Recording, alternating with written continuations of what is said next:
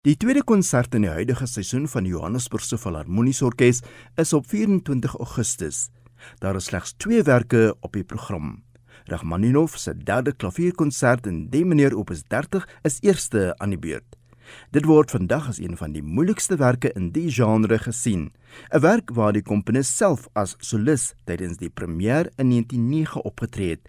En dis ook 'n aanduiding van die komponis se vaardigheid as pianis.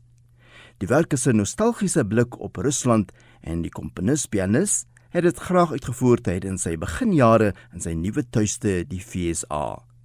Die werk bestaan uit 3 bewegings en die Russiese pianis Yevgeny Kanov sal as solis optree. Hy is bekend aan Suid-Afrikaanse gehore. Hy het die 2020 Unisa klavierkompetisie gewen.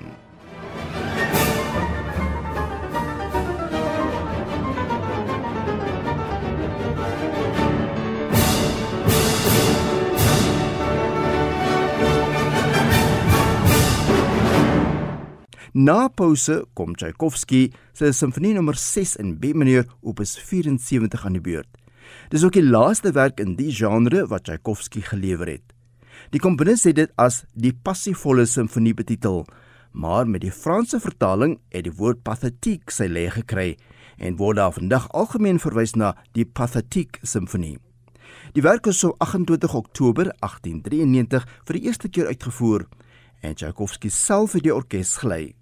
Ongelukkig sterf hy 9 dae later.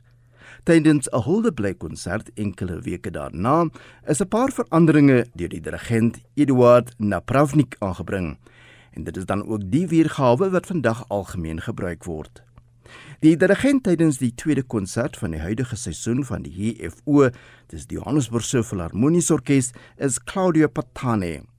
Sy is 'n Italiaanse dirigent wat graag ballette en operas lei, maar sy is ewenigs vaardig as dit kom by ander genres.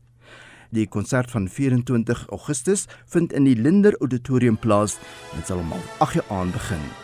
Kaartjies kan by Quicket bespreek word of ook by die deur gekoop word.